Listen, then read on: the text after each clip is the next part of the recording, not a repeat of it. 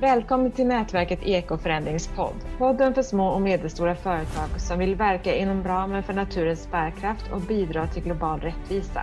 Här diskuterar vi både de stora frågorna och de konkreta verktygen. Vi delar våra egna erfarenheter och pratar med andra som redan genomfört förändring. Vi hoppas att du vill följa med oss när vi utforskar vägarna mot ett mer hållbart företagande och näringsliv. Nu kör vi! Hej och välkomna till nätverket Ekoförändrings Junipodd.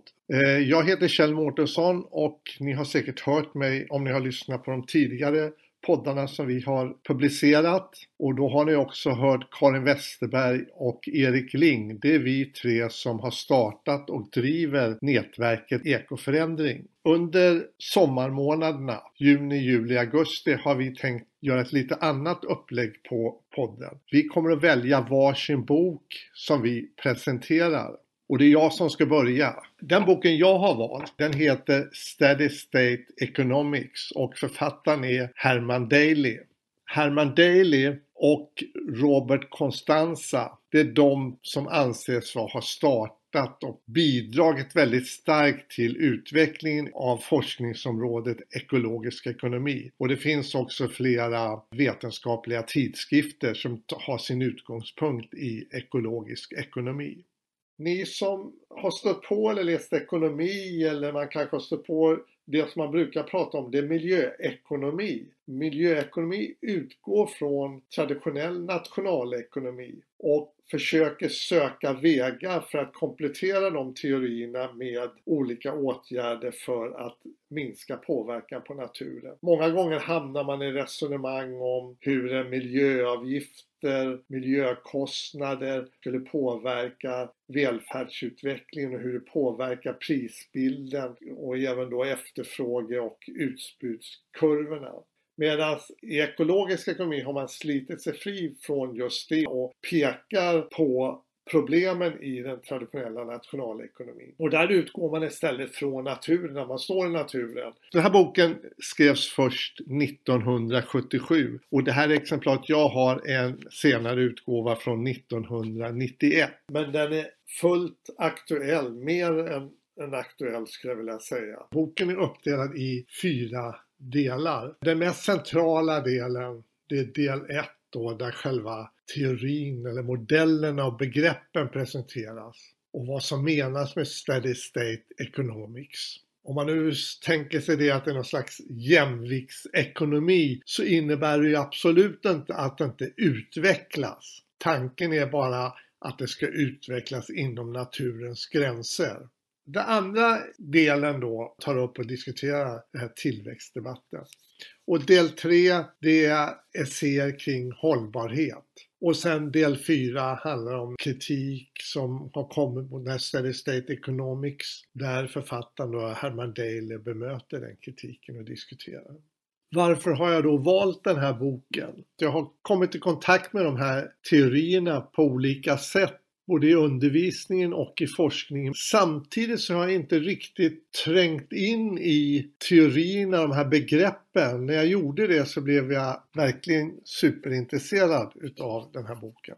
För att det pratas väldigt mycket om miljö idag bara under det här året, eller de två sista åren här, har ju diskussionen ökat. Vi har olika avtal, Parisavtalet, vi har olika rapporter från FNs klimatkommission. Men när vi tittar här då så styrs ju vårt samhälle av ekonomiska beslutskriterier där mycket av den påverkan vi har på naturen, alltså de marginalerna, och de resurserna vi utnyttjar, inte syns. Alltså vi har massor med osynliga kostnader. Och jag upplever att man, att man utgår från egentligen marginella förändringar. Man utgår ifrån då de produktionssystem och, och de affärsidéer man har och så försöker man då hitta olika lösningar för att minska belastningen. Men när man lyssnar på forskare inom olika områden så förstår man att det här kommer kräva strukturella förändringar.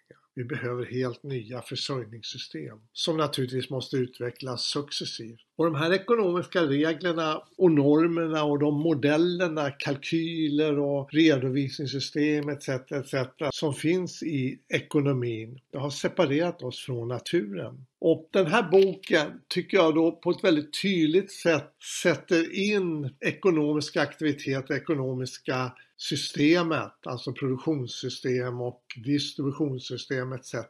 sätter in det i en större helhet, alltså naturens system och kopplar ihop det på ett väldigt bra sätt så utifrån det kan man då utveckla andra ekonomiska regler som inte bygger på den här tillväxttanken. Det centrala i Dalys modell, det är att han på en högre nivå knyter ihop naturens system med ekonomiska aktiviteter och där man utgår från naturens system.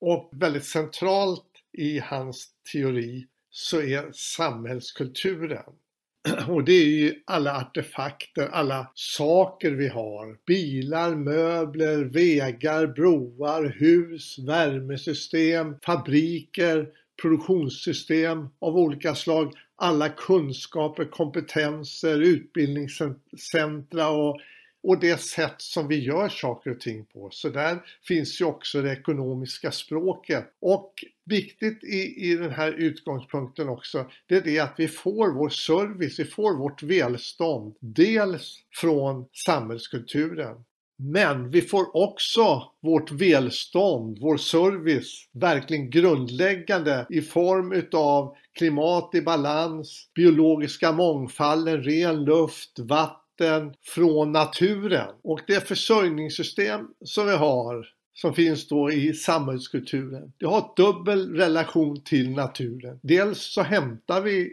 råvaror från naturen. Antingen från gruvor, järnmalm och andra mineraler som ibland tar upp väldigt stora områden. Vi odlar, vi tar ut skogen till olika produkter. Så förädlas det här då i produktionssystemen. Och under den här förädlingen och genom alla stegen från råvaror och fram skapar ett avfall, ett materialflöde som också påverkar naturen antingen som väldigt skadliga ämnen eller andra typer utav material som koldioxidutsläpp. Och då är det inte så svårt att förstå det som Daily utgår ifrån också som den ultimata, eller om man kan säga den riktiga eller den övergripande kostnaden för den service vi får från naturen. Det är utarmningen av naturen. Och det är det som då resulterar i klimatförändringar, förlust av den biologiska mångfalden som är de stora, stora, men vi har ju andra problem. Och eh, när vi tittar på de här eh, verktygen vi använder i, inom ekonomi, kalkyler av olika slag, så finns ju inte de här kostnaderna med. Det är klart att då, då kommer man ju optimera utifrån felaktiga grunder.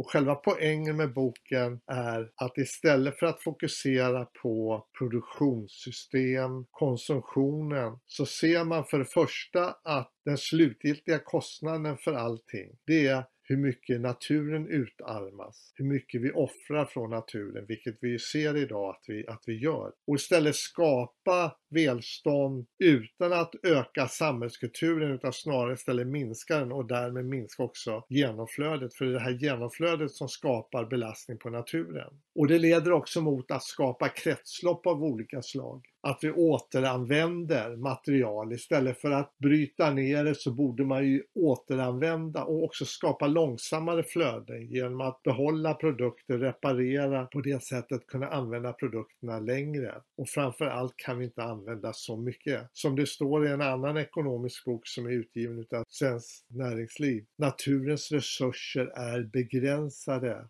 Därför kan vi inte göra allt vi vill.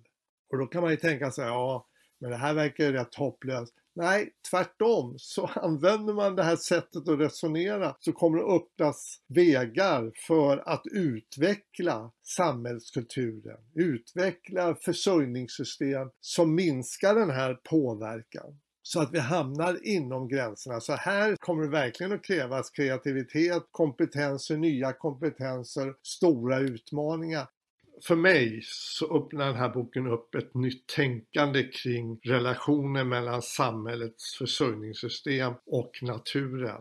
Eller mellan ekonomi och naturen.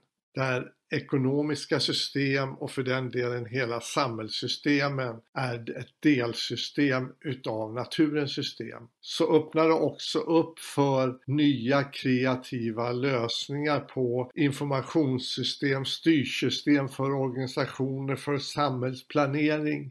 Mycket av det vi ser idag utav de lösningar på de miljöproblemen, det är tekniska lösningar och visst tekniska lösningar är bra, men de måste sättas in i det här större sammanhanget.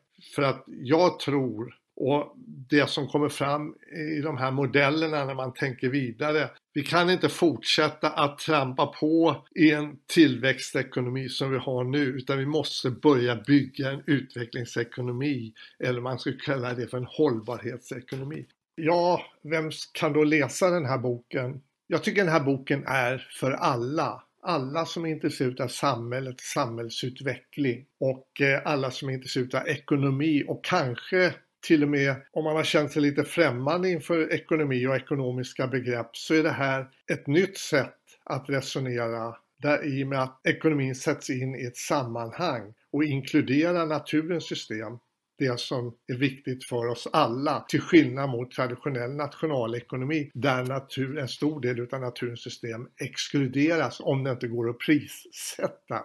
Så den här boken är naturligtvis ingen bok man läser från perm till perm rakt av. Men om man startar med kapitel eller del 1 så har man ju de centrala begreppen och de centrala modellerna. Ge det tid och träng in i de här modellerna, det finns bland annat en figur rätt tidigt i boken som, som visar också hur allting hänger samman.